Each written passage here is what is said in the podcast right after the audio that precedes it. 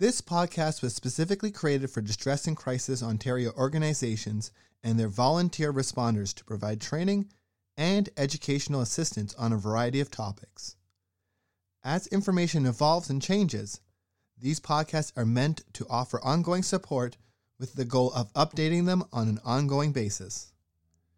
We thank the volunteer responders and the contributors to this podcast. Please visit our website, dcontario.org, for more information and how to access free mental health services. Thank you.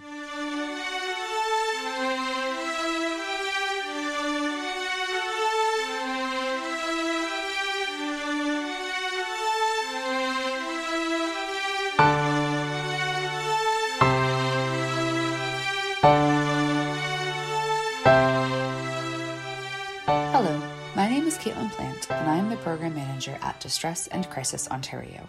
Thank you for choosing to listen to our podcast. Today's information comes from our February newsletter and our article titled Coping with Valentine's Day Loneliness, which was written by our student intern Daphne. The newsletter can be found on our website at www.dcontario.org forward slash resources forward slash e news dash views. If you'd like to see the full article and explore the resources used and look at our past newsletters, I would really encourage going to check them out. This article includes information from the Canadian Mental Health Association, Psychology Today, and more. As Valentine's Day approaches, we are surrounded by reminders of the upcoming holiday. Stores roll out special promotions offering discounts on items such as chocolate, flowers, and decorations. Social media feeds become filled with an endless number of advertisements for unique and expensive gifts, content about how to make this Valentine's Day special, hearts, and the color red and pink. Although the holiday is meant to be about love, joy, and romance, many people spend the day feeling sad and lonely, regardless of their relationship status. According to the Canadian Mental Health Association, the results of a poll found that a third of people, including those in relationships, feel more dread than excitement about Valentine's Day. Feelings such as these aren't confined to this time of year. A Canadian survey found that one in three people are not happy with their love lives, and one in four wish they had more friends.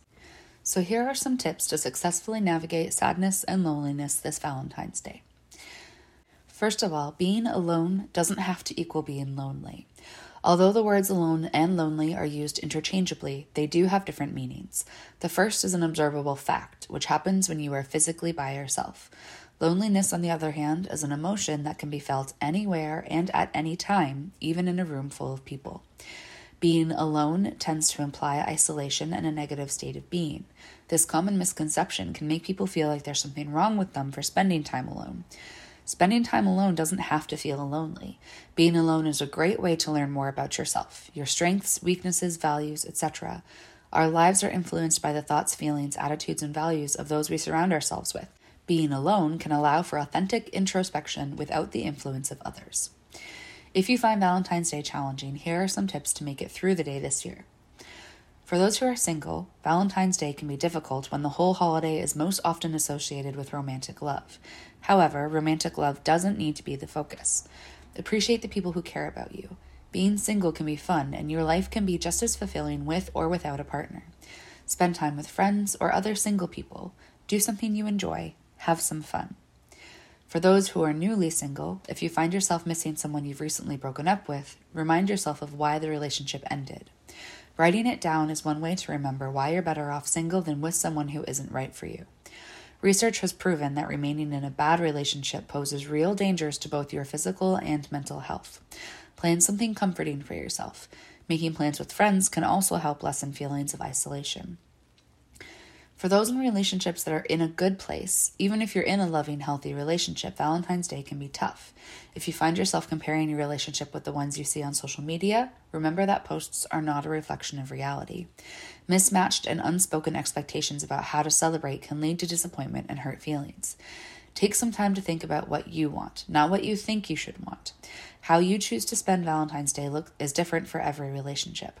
Have a conversation about expectations, including financial considerations, beforehand to help make sure you and your partner are on the same page. For those in relationships that are on the rocks, If your relationship isn't in a great place, Valentine's Day can amplify issues that already exist. Every relationship is different. For some, an immediate conversation to address issues may be a good option. Others may not benefit from an in depth relationship analysis on Valentine's Day. Do what works for you. For those in relationships that are long distance, long distance relationships aren't easy. Being unable to be with your partner in person can increase feelings of loneliness and sadness. That said, Valentine's Day can still be meaningful. The COVID 19 pandemic has changed the way that we connect with others. We've seen a new trend of virtual dating. Although it began for safety reasons, it is expected to remain, pandemic or not. A quick Google search can help you find many ideas for virtual dating, such as watching a movie together or cooking and eating the same meal together. Care packages are another great way to show your love and appreciation in a long distance relationship. For those whose partner has passed away, Valentine's Day can be a painful reminder of past celebrations. Allow yourself to be sad. Don't be afraid to lean into grief. Writing a letter and planning something special are some ways that can help increase feelings of connection to a loved one you are missing.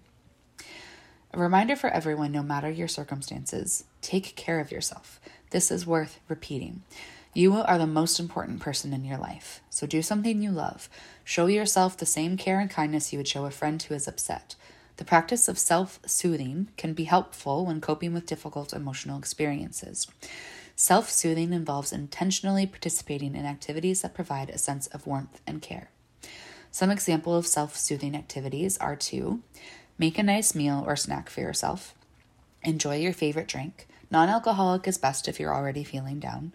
Go to a favorite cafe or restaurant. Meet with a friend for coffee, lunch, a walk, etc. Enjoy some time in nature. Light a candle with a scent that makes you feel happy, comforted, or calm. Have a bubble bath or take a long shower. Read a good book. Watch a good movie or TV show. Hug yourself or someone else, or even a pet. Imagine a relaxing scene or safe place. Do some relaxation or meditation techniques, or do some slow breathing. Another tip for getting through the day is to spend some time taking care of others. Showing compassion towards others can help us build our own self compassion. Volunteering to support members of your community is a great way to gain some perspective and connect with others. Care and connection are for everyone partners, family members, friends, and strangers. It's important to note, however, that taking care of others should never come at the expense of your own well being. Some ways to take care of others can include thanking someone close to you for the things they do for you, doing something caring to cheer up someone you care about, showing kindness to strangers, complimenting someone you care about, volunteering with a local charity or community group, or seeking out ways to provide connection to others, like joining a pen pal program. A final suggestion for the day is to take a break from social media. Comparing your experiences to those of others is likely to worsen feelings of loneliness and isolation. Behind a grand, expensive looking display of affection might be an unhealthy, conflict filled relationship. However, simply being aware of this may not be enough to protect your mental well being. Consider limiting or even eliminating social media use in the days before and after Valentine's. A few gentle reminders for everyone to finish up with today. Everyone is different. The suggestions in this podcast are only a few of the many ways we can cope with feelings of sadness and loneliness. It's easy to feel discouraged when strategies such as these don't seem to work. Remember that self care and coping look different for everyone. What works for one person may not work for another, and that's okay.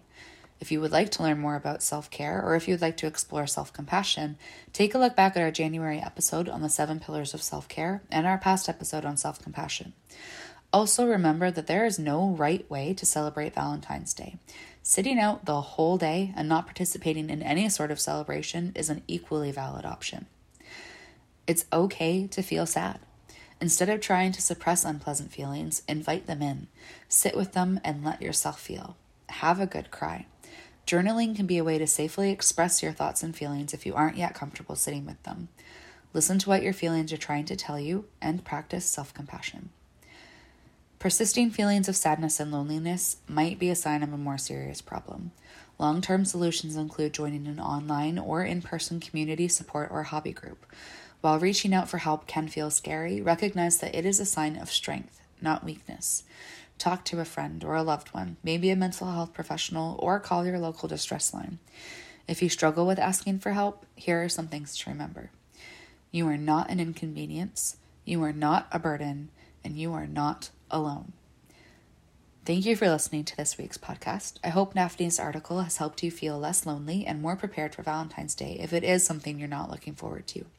As always, if you need support for anything you're struggling with, ONTX and our member centers are here.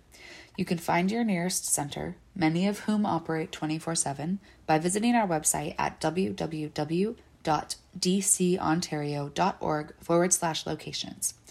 ONTX's online chat feature can be accessed from any page of our website using the Looking for Support sidebar. ONTX is available from 2 p.m. to 2 a.m. Eastern Standard Time every day and can also be accessed by texting the word support to 258258. If you do have any feedback on the podcast or would like to request future content, please use the link in the show notes to fill out our feedback form. We would genuinely love to hear from you. Any input on how we're doing and how we could improve would be greatly appreciated. Thank you again for listening. I hope you have a great week and join us again next time.